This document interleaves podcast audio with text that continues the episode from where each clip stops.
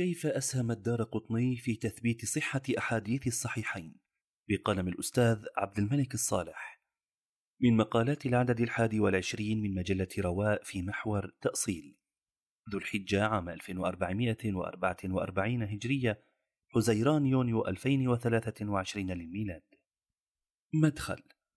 قد يستغرب القارئ هذا العنوان وذلك لما اشتهر من أن الإمام الدار قطني ينتقد أحاديث عديدة في الصحيحين فكيف يكون الانتقاد تأييدا وتثبيتا لصحة ما انتقده؟ ومنشأ الاستغراب نابع من فهم طبيعة عمل الدار قطني على الصحيحين وحصر كلامه فيهما على الاعتقاد كما هو شائع هو حكم في غير محله. وللتوضيح نقول عمل الدار قطني على الصحيحين من خلال كتابين اثنين الأول الإلزامات الثاني التتبع. فأما الكتاب الأول أي الإلزامات فموضوعه موافقة الدار قطني على تصحيح أسانيد روى بها الشيخان أحاديث في صحيحيهما ويلزمهما الدار قطني بإخراج أحاديث أخرى بهذه الأسانيد لم يخرجها أو بأسانيد مشابهة لها من حيث صفات الرواة ولم يخرجها أيضا.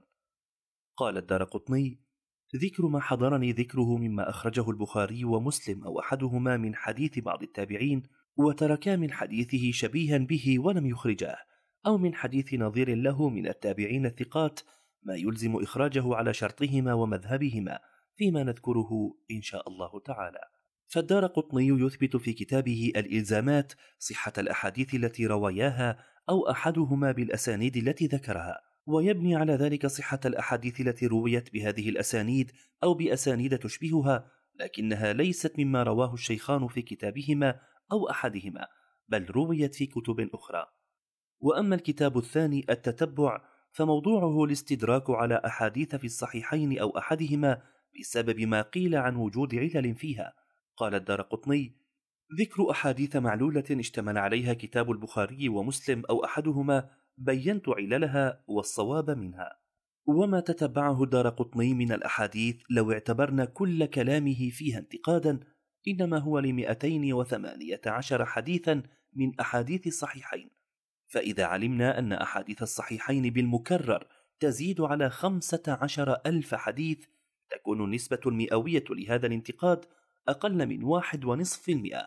وهذا يعني أن الدار قطني يصحح أكثر من ثمانية وتسعين بالمئة من أحاديث الصحيحين. وسيأتي في الفقرة التالية أن الانتقاد أقل من هذا بكثير.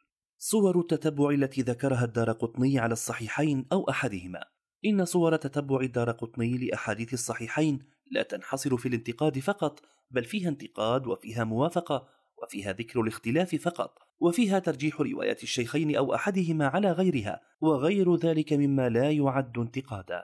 وانتقاد دار قطني لأحاديث مروية في الصحيحين ليس انتقادا للمتون المروية بهذه الأسانيد بل الغالب الأعم هو انتقاد لبعض الأسانيد التي رويت بها هذه المتون فتراه ينتقد إسنادا لمتن ويصحح إسنادا آخر له أو يصرح بصحة المتن مع انتقاده للإسناد الذي روي به في الصحيحين أو أحدهما.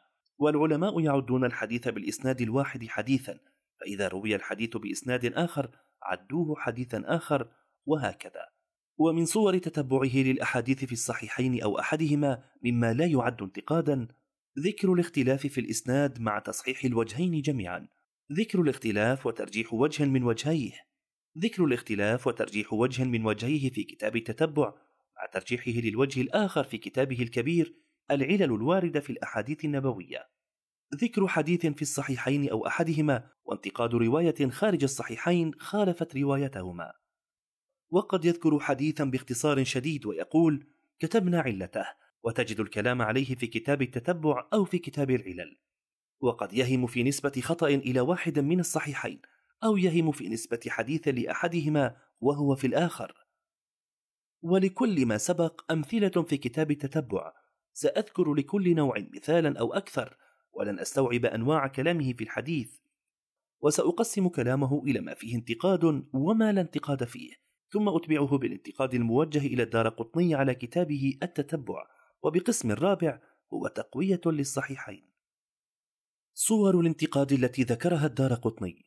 انتقاد إسناد لمتن مع تصحيح إسناد آخر. قال الدار قطني في الحديث التاسع والخمسين من التتبع وأخرج البخاري حديث مروان عن زيد لا يستوي القاعدون من حديث صالح بن كيسان عن الزهري عن سهل بن سعد عن مروان عن زيد وهو صحيح إلا عن مروان. فها هو ينتقد الإسناد الذي رواه البخاري من طريق مروان بن الحكم ويصحح الأسانيد الأخرى التي روي بها المتن من غير طريق مروان. انتقاد إسناد لمتن مع تصحيح المتن. قال الدار قطني في الحديث السادس والتسعين من التتبع وأخرج مسلم عن شيبان بن فروخ عن جرير بن حازم عن الأعمش عن إبراهيم عن علقمة عن عبد الله لعن الله الواشمات ولم يسنده عن الأعمش غير جرير. ثم قال وهو صحيح من حديث منصور عن إبراهيم عن علقمة عن عبد الله فأما الأعمش فالصحيح عنه مرسل. فها هو ينتقد الإسناد الذي يرويه الأعمش ويصحح المتن بالإسناد الآخر من طريق منصور. ذكر الاختلاف وترجيح وجه في التتبع وعكسه في العلل. قال الدار قطني في الحديث الثاني والخمسين من التتبع وأخرجا جميعا حديث شعبة عن أبي إسحاق عن صلة عن حذيفة قصة مجيء أهل نجران وفيه لأبعثن رجلا أمينا. زاد مسلم الثوري عن أبي إسحاق مثله. قال رواه إسرائيل عن أبي إسحاق عن صلة عن عبد الله بن مسعود ولا يثبت قول إسرائيل. ضعف الدار قطني في التتبع رواية إسرائيل وذكر الحديث في العلل ورجح العكس فقال يرويه إسرائيل عن أبي إسحاق عن صلة عن ابن مسعود وتابعه الثوري ورواه شعبة عن أبي إسحاق عن صلة عن حذيفة ويشبه أن يكون الصحيح حديث ابن مسعود. يقصد أن الصحيح رواية إسرائيل عن أبي إسحاق عن صلة عن ابن مسعود وهي التي ضعفها في التتبع فرجح في العلل عكس ما رجحه في التتبع. انتقاده لجزء من المتن وتصحيح باقي المتن.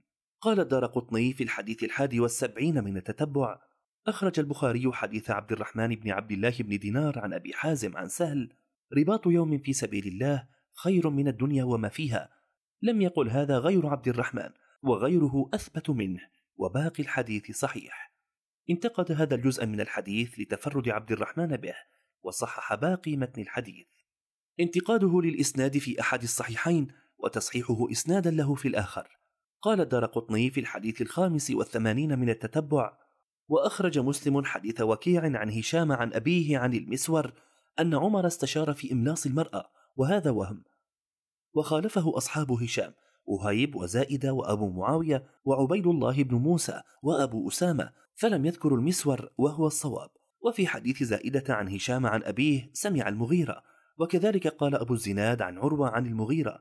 ولم يخرج مسلم غير حديث وكيع وهو وهم. وأخرج البخاري أحاديث من خالف وأتى بالصواب. فها هو الدار قطني ينتقد إسنادا للحديث في صحيح مسلم ويصحح إسنادا أو أكثر لذات المتن في صحيح البخاري. ما ذكره الدار قطني ولا انتقاد فيه. ذكر الاختلاف مع تصحيح الوجهين جميعا. قال الدار قطني في الحديث التاسع من التتبع وأخرجا جميعا حديث يحيى بن سعيد القطان عن عبد الله عن سعيد المقبوري عن أبيه عن أبي هريرة قصة المسيء صلاته وقول النبي صلى الله عليه وسلم ارجع فصلي فإنك لم تصلي. قال وقد خالف يحيى أصحاب عبيد الله كلهم. منهم أبو أسامة وعبد الله بن نمير وعيسى بن يونس وغيرهم ورووه عن عبيد الله عن سعيد عن أبي هريرة فلم يذكروا أباه. ثم قال ويحيى حافظ ويشبه أن يكون عبيد الله حدث به على الوجهين. فها هو الدار قطني يذكر الاختلاف بين تلاميذ عبيد الله العمري ثم يصحح الوجهين معا لأن عبيد الله رواه على الوجهين كما سمعه على الوجهين. عن سعيد عن أبي هريرة رضي الله عنه وعن سعيد عن أبيه عن أبي هريرة رضي الله عنه. تكرار الكلام على بعض الأحاديث. كرر الدار قطني في التتبع الكلام على بضعة أحاديث منها الحديث 103 كرر الكلام عليه في الحديث 182 الحديث 121 كرر الكلام عليه في الحديث 174 الحديث 125 كرر الكلام عليه في الحديث 173 الحديث 137 كرر الكلام عليه في الحديث 192 الحديث 171 كرر الكلام عليه في الحديث 184 ذكر حديث باختصار وقوله كتبنا علته.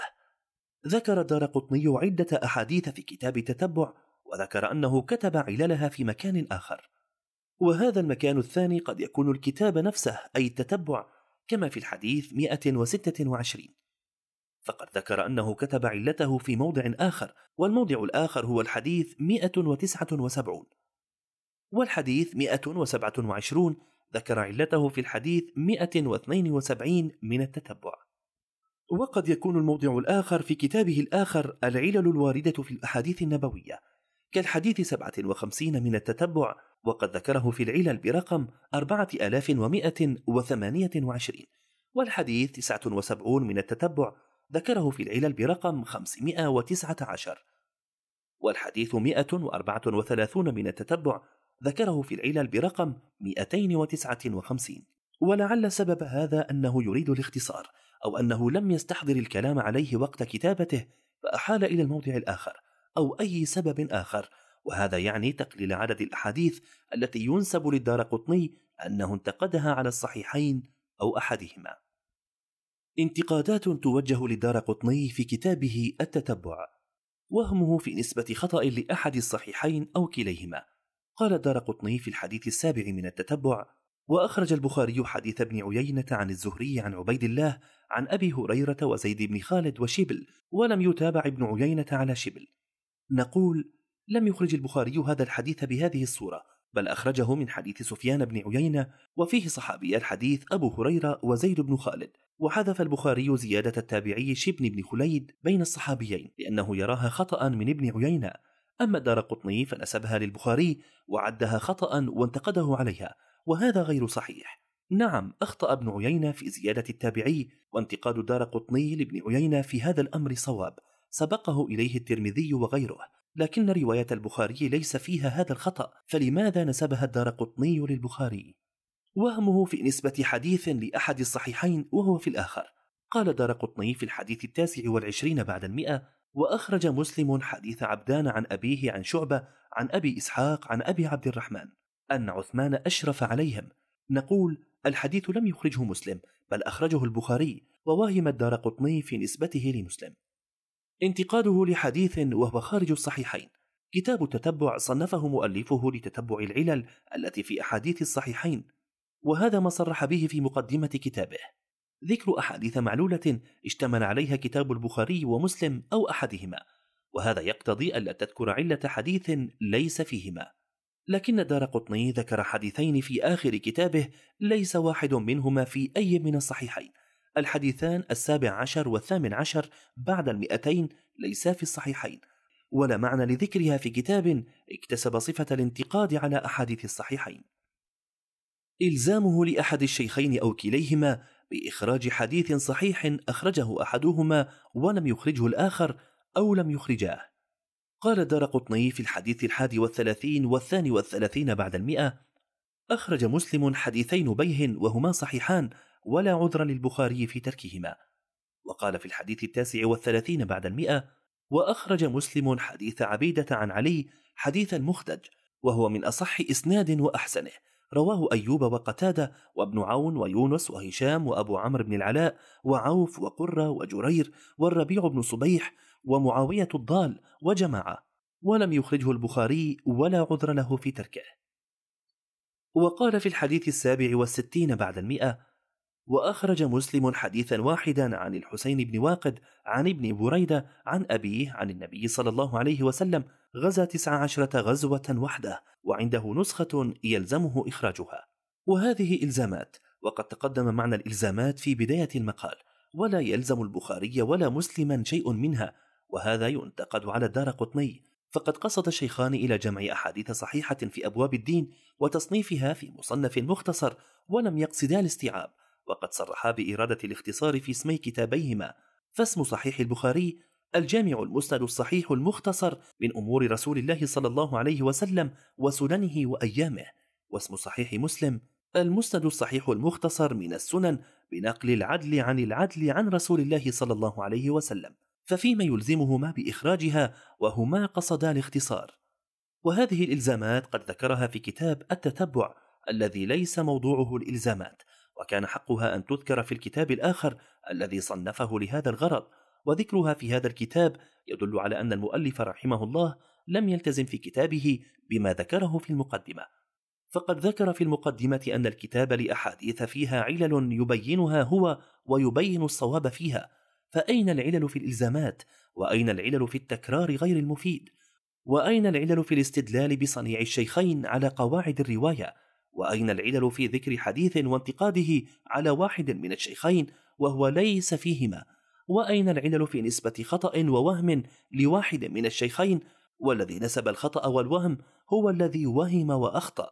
كل هذه الأسئلة تعود على أصل موضوع كتاب التتبع بالانتقاد وتعود على الصفة التي اكتسبها الكتاب بين الناس عموما والمتخصصين بالحديث خصوصا بالانتقاد بل بالإبطال.